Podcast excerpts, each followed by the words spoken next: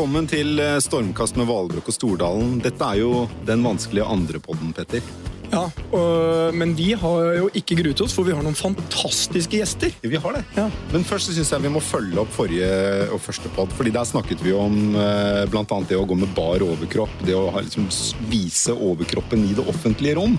Og det var ganske bred enighet, med unntak av Kjersti, som var litt sånn på glid her, at eh, det er ikke greit. Det første som skjer, er at du tar til Grønland, der man gjerne har en tendens til å være godt påkledd. Det er kaldt der, det er is der. Du tar av deg bare på bar overkropp og legger ut på Instagram en video. Ja, øh, og det Jeg trodde det var feil. Ja, vi var enige om at det var feil, men det der å gå motstrøms, eh, det skal vi snakke om i dag også. Det å tørre eh, å gå litt mot de andre. Men jeg har jo fått, har fått enorm støtte eh, for den barisøvelsen. Ja, du har det, ja. Eh, Og jeg ble inspirert faktisk av Putin. Um, og for de som følger med på CNN, så har jeg, han ordentlig skudd om dagen. Han viste, han har en egen kalender med barisbilder, men han nå dro han på ute på jakt, eller fiske, eller hva han hadde på, i baris. Og når jeg så på øh, Putin, tenkte jeg ok, han burde kanskje ha på seg T-skjorte, eh, for han øh, hadde ikke vært mye i sola, for å si det sånn. Eh, så barisgreiene, og det var fantastisk her på Grønland. Og for de som ikke har vært på Grønland, det er, det er helt spektakulært. Det er kanskje noe av det kuleste naturopplevelsen jeg noensinne har eh, vært med på. Altså, selv eh, store migrasjonen, Serengeti eh, Uansett hva jeg liksom ser tilbake på, Grønland ute i drivisen. Det kommer isfjell som går plutselig 100 meter rett opp, og de beveger seg så fort at du, båten sto stille, og de må bevege seg med to-tre knop fart, liksom.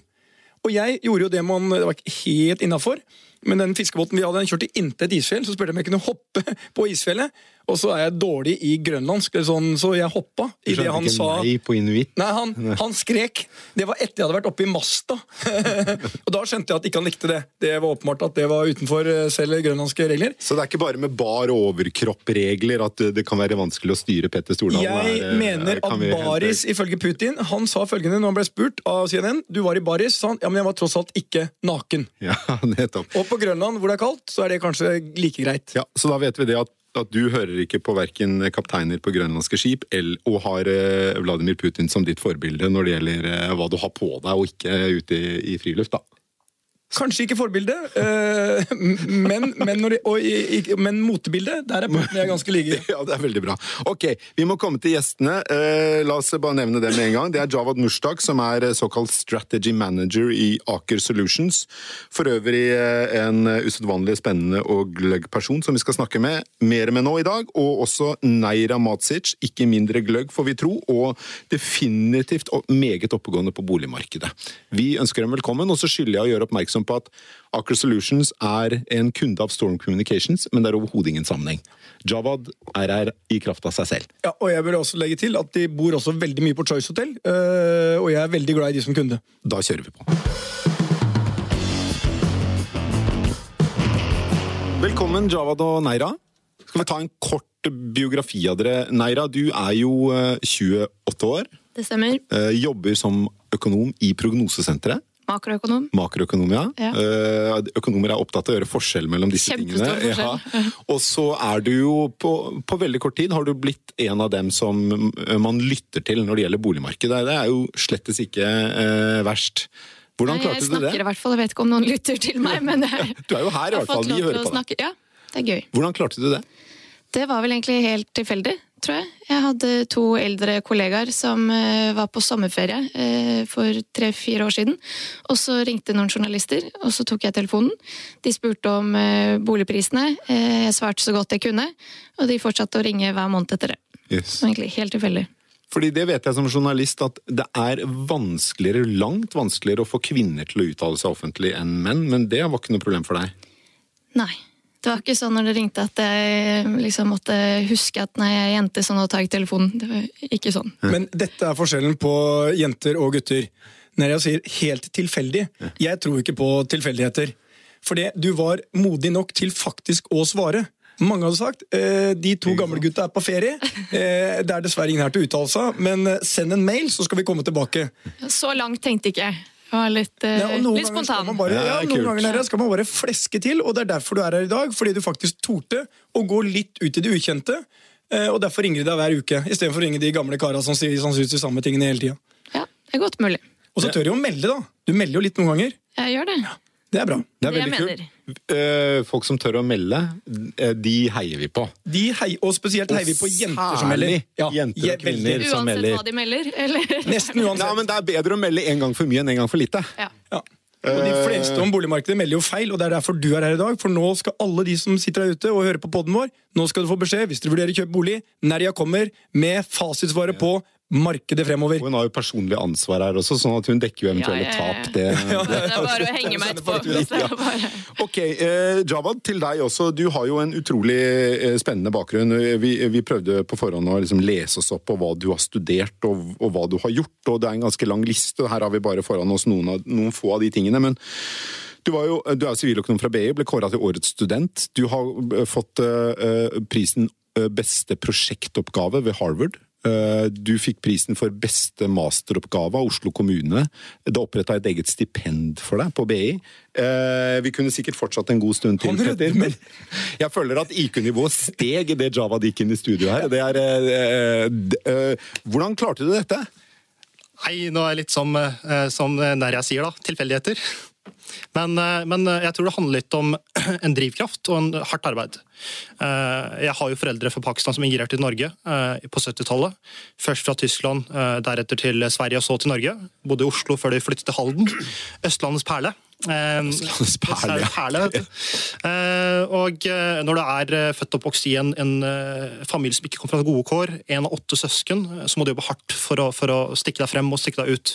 Og til når du møter veldig mye motgang, så, så må du bevise at du er god nok. og Da må du jobbe dobbelt så hardt for å komme halvparten så langt. Møtte du motgang internt i familien, eller der ute på skolen, i klassen, eh, blant eh, i naboer? Hvor, hvor møtte du motgang? Det var primært eh, ute. Eh, jeg hadde jo lærere som ikke helt eh, trodde på at en med min bakgrunn kunne lykkes. Eh, jeg prøvde å bli så lik nordmenn som mulig, og eh, jeg er jo norsk selv. Eh, jeg valgte nynorsk frivillig. Eh, Nynorsk? Det gjorde jeg òg, og jeg fikk sekser. Eneste i klassen som fikk seks i nynorsk. Har dere begge nynorsk som hovedspråk? Nei, ikke som Nei, hovedspråk. for det har jo Javad. Du har ikke nynorsk som Nei, hovedspråk? nei, nei, du, du, du har valg eh, om å velge det frivillig hvis du har foreldre med annen bakgrunn. Eh, og jeg sa jeg skal stille meg på noe dårligere linje enn Oh, ja, alle så du har bokmål som hovedspråk, men du valgte nynorsk Frivillig. Det gjorde frivillig, og det gjorde du Det òg, Meira. Det, Jeg trodde jeg var den eneste, men jeg, High five. Ja, jeg gjorde det pga. et veddemål. Jeg hadde en klokkeren toer i nynorsk. Jeg fikk en sekser. Ja, Det er litt forskjell på det. Og du, Javad, hva fikk du? jeg gjorde veldig dårlig to første årene. Så to i første året, to i andre året. Tredje år sa jeg skal skjerpe meg. Gjorde en modernisert tolkning av et nynorsk eventyr. Fikk best i klassen. Og mens jeg holdt på å lese oppgaven og rettelsen, så kom en gammel lærer inn i klasserommet bort til meg og sier at det kan ikke stemme at de bakgrunn har fått den karakteren her. Drar den ut fra hånda mi og sier at jeg må ta retten på nytt. Og Når du møter sånne type hendelser gang på gang, så har du to muligheter. Enten så svarer du tilbake og sier at eh, nei, det stemmer ikke, uten at det gir effekt. Eller så må du bare fortsette å prestere på et veldig veldig høyt nivå, eh, som gjør at resultatene er blitt eh, et svar for dette.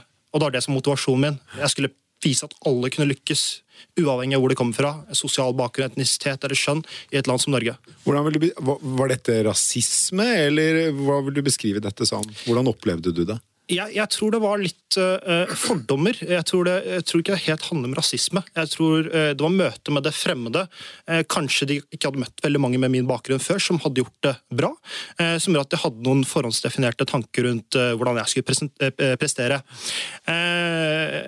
Og jeg tror veldig mange har endret mening nå, når jeg ser i etterkant.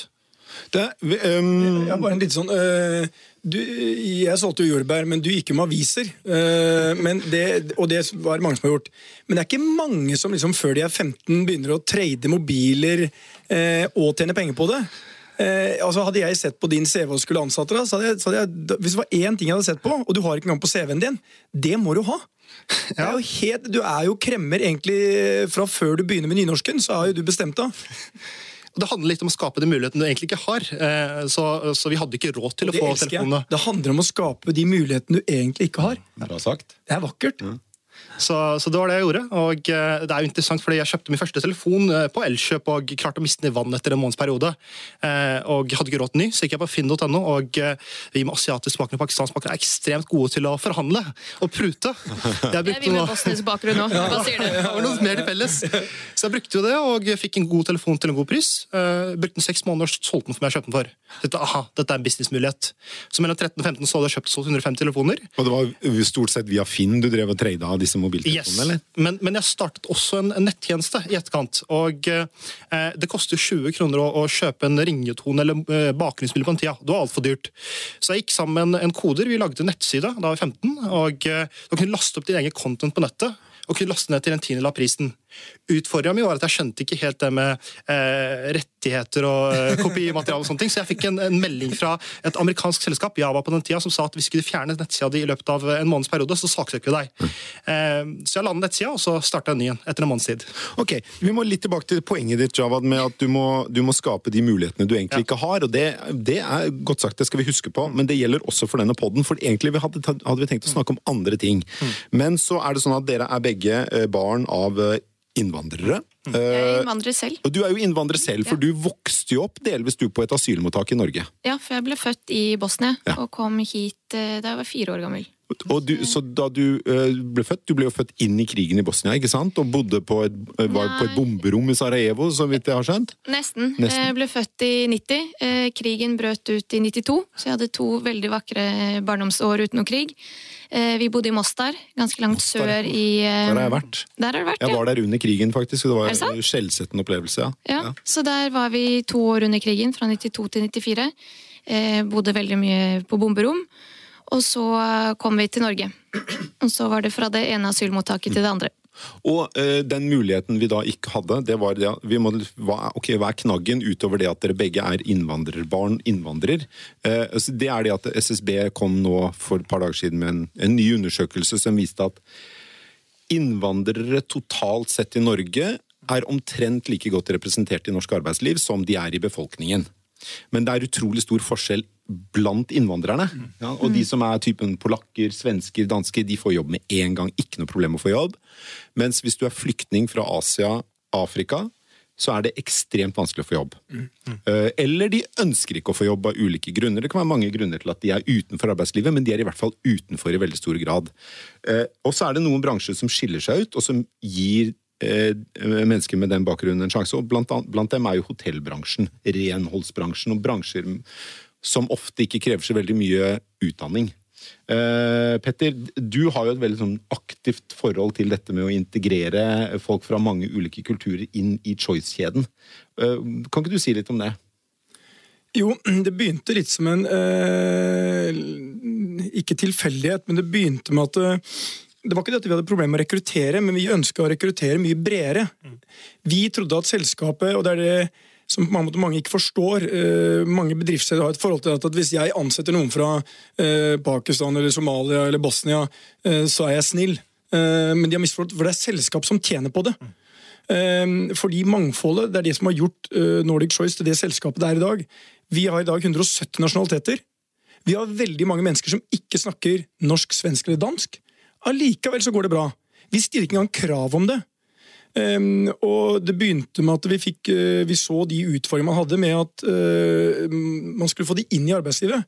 Spesielt er dette faktisk, eh, siden du er fra Pakistan, vi ser pakistanske kvinner. Hvis ikke de kommer inn i arbeidslivet ganske tidlig, så viser statistikken at de blir stående utenfor resten av sitt arbeidsliv.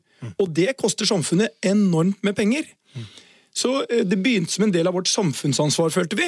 Men i dag er det en del av kulturen vår, og vi er enormt stolte av det. Og når vi eh, introduserte da Ali-hjelpen, som vi gjorde eh, for et års tid siden, så var det fordi vi ville hjelpe de til å eh, ha de samme rettighetene som alle andre har. Som ikke de vet at de har krav på. Eh, og Ali for, han blir da, han var, det var et stort case i Sverige, og han kommer til å bli. eh, han gjør det, ja, han kommer til å bli. Eh, eller jeg er ganske overbevist om at han kommer til å bli nå. Eh, men viktig rundt dette, det er mangfold. Uansett liksom, eh, bak, etnisk bakgrunn eller seksuell legning eller hva det måtte være. Det er viktig. Det er også viktig hvis alle bedrifter tar et ansvar her sånn for å få de inn i arbeidslivet. Så blir vi ikke bare et rikere samfunn, men vi løser også et av de samfunnsutfordringene vi har. Fordi det er, det, er, det er på mange måter viktigere i dag, etter mitt syn, å få de inn i arbeidslivet enn om en ingeniør, oljeingeniør i Stavanger eh, blir stående utenfor jobb hvis han er 40 år. Eh, Så vi har eh, masse program for det. Og det er språket som jeg sier, det lærer du best når du er på jobb. Altså Så enkelt er det. Og hvor mye språk trenger du egentlig for å jobbe på et kjøkken? Eh, og så en annen ting. Måten man snakker om jobber på si housekeeping eller renhold. Mange snakker om det som om ikke det var en bra jobb. Jeg har møtt hundrevis på housekeeping. De er enormt stolte av jobben sin. De gjør en fantastisk jobb, og de er fornøyd. Og det er og mange av de jobber fra der. altså eh, Laura er det gode eksempelet, eh, som også litt sånn nærja, bakgrunn. Eh, hun begynte å jobbe med renhold og er i dag sjef for housekeeping. Og nå vil hun bli hotelldirektør. Og vi har mange av de historiene. Og det er de historiene som jeg tror er viktig å få fram. Det, og det, det, det, og det navn- på- det er mange som ekskluderer vet du, bare, bare når du ser etternavnet ditt. Og det går jo på drive, ikke sant? Når hun, da, hun, hun skal bli hotelldirektør. Hun. Og, og eh, Java, du var inne på det. Vil du si at du har, har du også fått den ekstra driven, Neira, fordi du, du heter Neira og ikke Kari? Du har en annen bakgrunn. Eh, du, kulturelt så så har du jo, Om du ikke står utenfor det norske, så har du i hvert fall en annen kultur i tillegg. Har, har det gitt deg en ekstra drive? Jeg har ofte følt at jeg må gjøre det eh, veldig mye bedre enn andre på min alder for å stille på lik linje. At jeg må være et par skritt foran for å egentlig bli oppfattet som på samme nivå, eller på, på, på samme linje som andre eh, av min generasjon. Men om det er noe jeg har innbilt meg selv, eller om det faktisk reelt er sånn, er jeg litt usikker på. Men eh, den driven jeg har, er vel egentlig at jeg syns det er en selvfølge at man utnytter de mulighetene man har. Altså Når man bor i Norge, et land der utdanning er gratis, så selvfølgelig går du på skolen og du gjør ditt beste. Eh, Jeg kan ikke skjønne eh, de som ligger hjemme på sofaen og som på en måte ikke utnytter det som ligger der. Det er så lavthengende frukter. Det krever ikke så mye av deg. De som ikke fullfører videregående, altså hva er det dere driver med? De som ikke, altså alle trenger ikke å bli akademikere. Eh, gjerne gå på fagutdanning, bli snekker, bli rørlegger, elektriker, men gjør et eller annet med livet ditt. Det er så utrolig enkelt å gjøre det. Så for meg er det mer en selvfølge.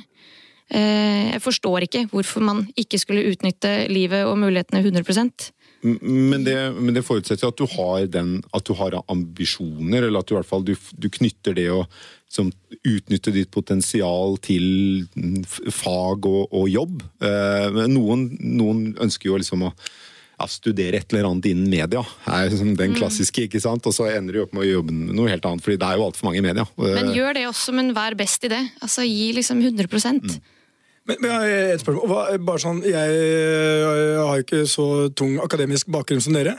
Men øh, jeg gikk på Kjøpmannsinstituttet. Av både frukt- og grøntkurs fra Bama og grillkurs fra Gilde. Eh, det er ikke helt Harvard, det er ikke helt Harvard. Eh, men det, er, det henger ganske høyt. Det er flere med en sånn bachelor som jeg har. Litt sånn rufsete bachelor. du kan grille deg en god kotelett, i hvert fall. Det, jeg er sjef når det gjelder Piffi-krydder. Ja. Eh, Men eh, Jawad, eh, kan ikke du bare forklare meg, hva er eh, strategy eh, Hva var det? Strategy manager i Aker Solution? Bare, for det er sikkert mange flere enn meg som lurer på hva er det? Det høres utrolig kult ut. Ja, altså, eh, Alle selskap har konsernstrategi. Eh, retningen til eh, hvor et selskap skal gå. Axelution har vært i en stor transformasjon de siste tre-fire årene. Med veldig mye oljeprisnedgang, som har gjort at vi måtte, både se på effektiviseringssida, men også se på hvordan vi skal på en måte posisjonere oss i forhold til fornybar energi og andre alternative kilder. Strategien skal jo legge de, retning de neste fem årene for, for hvor selskapet skal. Og Da har vi et team på, på fire som jobber da med å jobbe da med de som jobber med Management Team eh, for å lage strategien til Aker Solutions. Du, eh, Javad, eh, du leder jo også en, eh, eller har vært med å stifte i hvert fall, en stiftelse som heter MAK, som står for Mangfold og ledelse. Jeg lurer på hvorfor, den ikke, hvorfor heter ikke stiftelsen MAL? Det, det skjønte jeg ikke. Nei, eh, jeg, så. Vi jobber innenfor mangfold og ledelse og mangfold innovasjon og entreprenørskap, men det står for mangfold, ambisjon og kompetanse. MAK. Okay, okay. Eh, så, så det er det som er eh, Ja, forkortelsen. Mm. Ja, ok, er, Jeg har bare lyst til å gripe tak i det. For det, det, er, det er veldig få ting i norsk offentlighet og i norsk politikk som jeg syns er mer idiotisk enn innvandrerregnskapet. Eh, fordi det er bare plusser og minuser som du kan legge inn i et Excel-ark. ikke sant? Og det eneste du får, er hva, hva koster utdanning, hvor mye tjener du i løpet av et år, hva kommer av skatteinntekter, og hva, hva kommer av ungene dine, og bla, bla, bla. bla. Men verdien av mangfold er det umulig å få inn i et regneark. Selv om alle som har jobbet mer enn et kvarter i arbeidslivet, vet hvor verdifullt mangfold er. ikke sant? Ja. Jeg har leda en ledergruppe bestående av bare menn. Elendig idé. Jeg har ledet en ledergruppe med menn og kvinner i god blanding. En veldig mye bedre idé. Ha ulike bakgrunner funker alltid bedre. Eh, hvordan jobber dere med å synliggjøre verdien av mangfold, sånn at uh, man kan kanskje kutte ut å snakke om innvandringsregnskap etter hvert, og heller snakke om mangfold som en reell økonomisk verdi? Eh, litt som Petter sa i sted, at uh, veldig mange selskaper ser på dette her som uh, noe som er uh, riktig å gjøre samfunnsnyttig, og det er viktig av det elementet, men mangfold er business. Mangfold er lønnsomt. Og det som er interessant, er at nå de siste par-tre årene så har det kommet veldig mye forskning som viser korrelasjon mellom mangfold, økt grad av innovasjon, og mangfold, økt grad av lønnsomhet, finansiell avkastning. Eh, og en rapport fra McKinsey viser jo um, korrelasjon mellom mangfold og etnisitet og økt grad av eh, finansiell avkastning, som er selskaper i øverste kvartil har 35% større sannsynlighet for økt finansiell avkastning i forhold til sine nasjonale industrimedianer. For skjønn så er tallet 15% Mangfold er ikke lenger bare noe som er bra, det er noe som er lønnsomt. Så hvis jeg går til en toppleder og sier at vet du hva, skal jeg fortelle deg hva som gir deg 35% større sannsynlighet for å få en økt finansiell avkastning, så lytter de til deg. Så Det er første elementet. Det andre elementet er at man må slutte å problematisere mangfold. Vi ser på mangfold og folk med annen bakgrunn som et problem, og så prøver vi å integrere det inn i samfunnet. Eh, Når mennesker som både Nerja og meg selv eh, både snakker eh, norsk og, og bokmål og nynorsk, og i tillegg til andre språk, både fransk og urdu og eh, Dette er jo kompetanse som norsk næringsliv trenger i en mer internasjonal verden. Og Når vi bruker det narrativet, så er det mye enklere for oss å si at vet du hva, dette er det dere trenger. Dere trenger eh, kombinasjon av mangfold som er kognitiv mangfold, som består av ulike elementer som er iboende og ervervet. Eh, la oss vise oss hvordan dere kan eh, få til mangfold her. Og det Vi har gjort nå er at vi har begynt å lage et nettverk unge talenter med mangfoldig bakgrunn. Vi er over 650 fra 35 nasjonaliteter, og vi snakker fag. Vi snakker ledelse, vi snakker innovasjon og entreprenørskap. Men folk som deltar, har veldig ulik bakgrunn. Eh, kan være fra Eritrea, fra Pakistan, ha, være kvinner, kan også være etnisk norske. Med alle ulike bakgrunner. Når vi snakker samme språk som er faget, så gjør det noe med eh, synligheten og kompetansen de besitter. Og Vi snakker ofte med toppledere, og når de ser den gruppen, som er veldig dynamisk, skaper nye innovative og kreative ideer, eh, så gjør det noe også med persepsjon på hva mangfold egentlig er. Og Der har vi startet nå. Eh, men vi har fremdeles lang vei å gå. Ja, Det er åpenbart mye som, eh, som gjenstår der, men uh, vi heier i hvert fall på mangfold, Petter. Det, Vi heier på det. Bra for den enkelte, bra for samfunnet, bra for bedriften, bra for alle. Yes.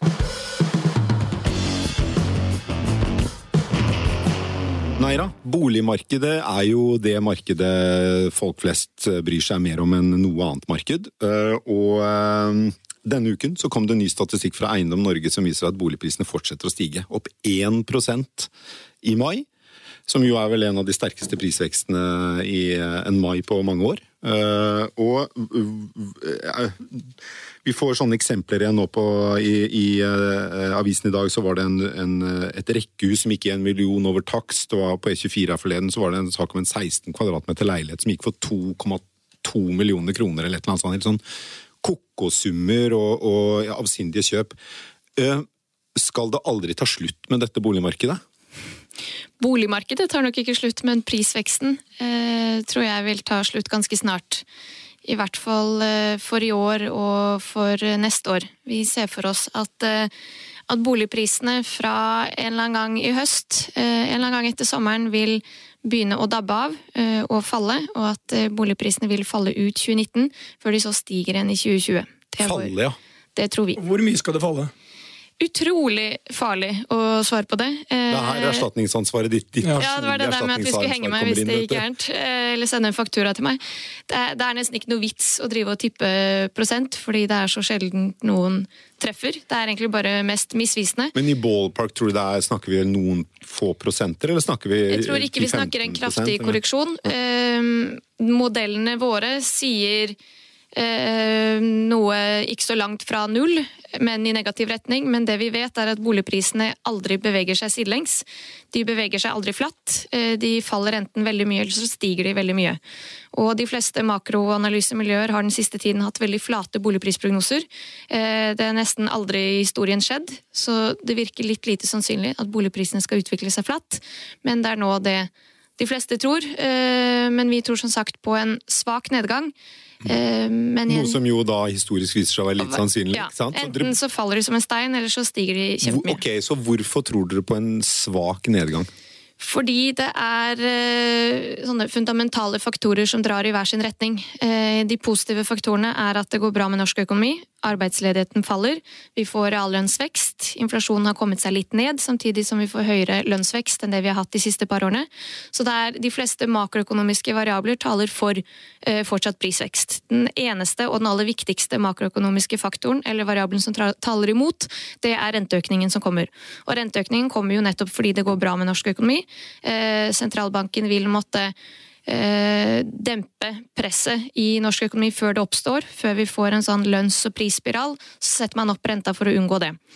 Og en renteøkning vil eh, ha en en prisdempende effekt på boligmarkedet. Det er ganske vanskelig å unngå. Og de andre prisdempende effektene vi tror vil trumfe de positive som jeg nettopp snakket om, det er fortsatt avtagende befolkningsvekst, og det er tilbudsøkningen. Men Nerja, for meg jeg, jeg har et litt, For det så leste jeg Finansavisen i dag. og Der er altså ekspertene uttaler seg. Eh, og En er liksom på at i år blir det minus 5% på bolig, og den andre ytterligheten er pluss 7 mm. um, og det, så det, det, er på mange måter like mange meninger om dette som det er eh, økonomer der ute. Men for meg så er det én ting Hvis du ser på tilbudssiden I dag kan du bygge for 40 000 km, kjøper uh, tomta for 20 000 km, da er det på 60 000, og så selger du for 80 uh, Da har du 25 avkastning på det. Det forteller meg bare én ting. Det kommer til å være veldig mange som ønsker å bygge boliger, for det er raske penger. Da blir tilbudssiden stor. Mm. Um, og, uh, så uten at jeg vet, men hvis du skal gi ett råd uh, til de der ute som nå lurer på men ja, jeg, for jeg hadde en i går som het Daniel, som skulle kjøpe seg bolig, og spurte meg Petter, hva tror du jeg orker ikke å kjøpe på topp? Uh, hvis du skal si noe til Daniel, han skal kjøpe bolig, hva vil du si? Jeg ville ikke kjøpt nå. Du ville ikke kjøpt nå? Jeg ville ikke kjøpt nå. Ville du heller leid? Uh, hvis du Leier du selv? Det her er veldig, veldig vanskelig, men jeg må være helt ærlig. Jeg solgte leiligheten min for to måneder siden. Eh, jeg har gått over i leiemarkedet. Eh, men jeg, gjennom jobben min så får jeg ikke lov til å investere i bolig. Så jeg kan aldri eie mer enn én bolig. Eh, jeg kan bare eie den boligen jeg bor i. Så bolig for meg vil aldri Du kan kjøpe større og større bolig, da? Ja, det, det, ligger nok noen begrensninger der òg. Jeg ser ikke for meg at jeg kommer til å bo i 1000 kvadratmeter ute på Bygdøy et eller annet sted. Snakker du om noen vi kjenner i Nei, nei, nei, ikke det hele tatt. Altså, jeg kan anbefale det. Ja, Er det plass til meg hos dere, eller? Altså, der, jeg kan leie det. Nå, da, ja, riktig. Uh, Java, du leier jo. Uh, det er det fordi du som Neira er usikker på boligmarkedet nå, eller hva er grunnen? Ja, litt. Altså, jeg har jo fulgt med litt med statistikken, jeg også. og uh, Boligprisen har triplet seg siden 2003. Uh, og uh, Vi ser at det er en vanvittig prisøkning, og det er økning i tilbudssiden. så det er noe som kommer til å skje i forhold til korreksjon. og så blir jo det interessant i forhold til førstegangskjøpere og boliglånsforskriften som kommer ny i, i slutten av juni. Um, men, men prisene er ganske høye nå, eh, og det har vært mer lønnsomt for meg å leie. Og så har jeg bodd mye i utlandet, som har gjort at eh, jeg har bare følt at det er mer fleksibelt å leie eh, når jeg kommer tilbake. Ja, fordi Det er jo en åpenbar fordel, hvis mm. du har liksom behov for å kanskje kunne snu deg rundt raskt. men, men, ut, men, men Per, nå er det én ting vi glemmer her sånn. Du skal bo der. La oss si at vi, Og du har ikke tenkt å kjøpe boligen din på, fordi du skal spekulere og selge den om ett år. Eh, la oss si følgende, Nerja. Eh, du skal bo i en bolig i si ti år. Spiller det egentlig rolle til alle de som hører på podkasten vår, om de kjøper i januar eller om de kjøper i november, hvis du skal bo der i ti år? Nei. Det spiller ingen rolle. I dag kan du sannsynligvis uh, binde renten din på et tiårslån til 3 mm. Så du har renterisikoen som du var innom, kan du da eliminere. Så si at vi får 2% snittinflasjon de neste ti årene. Da er realrenten din 1% Nerja. Og eh, sett ti år fram i tid, så tror jeg enig om at boliger, hvis du skal bo der en stund, det er en god investering. Og det eneste når man først kommer inn i markedet, så er mitt råd gå inn og gå ikke ut. Bare fortsett å bytte og bytte og bytte. Eh, Så til dere to som leier, eh, det er mye bedre å eie enn å leie. Jeg tenker jo alltid på Harald Magnus Andreassen nå, ikke sant? som nå i gud vet hvor mange år har sagt at det er en boligboble under oppbygging og, og ligger unna boligmarkedet. Ja, han får rett på et eller annet tidspunkt. Men de som, ja, ikke sant? Men da kommer jo boligprisene til å falle ned til et nivå, rase ned til et nivå som er langt høyere enn det det var da han første gang advarte mot en boligboble. Ja, Men allikevel så vil han stå da Det kan ikke være lov å advare mot det samme i så mange år, og så ikke få rett i så mange år, og så Før eller siden får du jo rett. Det tenker jeg Ja, og det det sier han jo selv også, da. Han Ja. ler jo litt av det, fordi han er jo blitt assosiert med det som boligkrakk-spøkelse. Men jeg er jo helt enig, med mindre du ønsker fleksibilitet, med mindre det er viktig for deg ulike grunner, så er det jo bare å komme seg inn i boligmarkedet og bli der. Jeg eh, kjøpte et nybygg i eh, 2016 som skal stå klart i 2020. Eh, og så hadde vi da valget mellom å fortsette å bo på Bjerke, der vi begynte å kjede oss litt, eller flytte til byen. Så for meg var det egentlig om jeg skulle eie eller leie i knapt to to år i de to årene. Å ja, Så du er på vei inn igjen? I 2020. Så har jeg Men du har fastpris nå allerede? Ja. Fra 2016. Å ja, så du er uh, Og der skal jeg bo i den leiligheten, så det Den er skal ikke du bo noe i. ja, Den skal du skal eie ikke- og- Har du, jeg- har du bundet lånet? Nei. Må ikke binde rente. Fast rente har aldri lønt seg Nei. i historien. Å, hallo! Aldri. Ja, men det forutsetter én ting. eh, Det at du har råd til å gå igjennom. eh, For hvis det, det kommer noen sorte svaner, som vi kaller det, og da kan det noen ganger smelle. Vi husker hvordan renta har vært ved et par anledninger. Eh, 2009 var ikke spesielt eh, vakkert. Vi kommer ikke tilbake dit. Vi har eh, Produktivitetsveksten faller over hele verden. Normalrenten nå er rundt 3 Det er Hør på når det dette, er alle dere der ute. Nerja bare sier 'løp og kjøp', Ja. løp og kjøp. Det var vel ikke akkurat og det med den siden av Aftenposten i dag var bare opp, opp, opp, opp. Og Per Veldig godt eksempel på media. Petter, Peter, og med den klokkeklare, krystallklare meningen fra en kvinne som fra første sekund turte å stikke nakken ut, så tenker jeg vi eh, har en god anledning til å slutte. Vi eh, skylder noen eh, takk igjen, og det er eh, først og fremst alle lytterne våre som sendte oss rett i topps på iTunes-topplisten. Hvem hadde trodd? Ingen. Vi Nei. var litt nervøse. Ja, det var veldig gøy. Tusen takk til dere. Vi setter jo pris på alle anbefalinger og, og heiarop vi kan få, vi. Og så må vi takke Truls Johansen, produsenten i Perplex, som står ved siden av oss og, og forsikrer oss om at alt går i orden. Så snakkes vi igjen neste uke.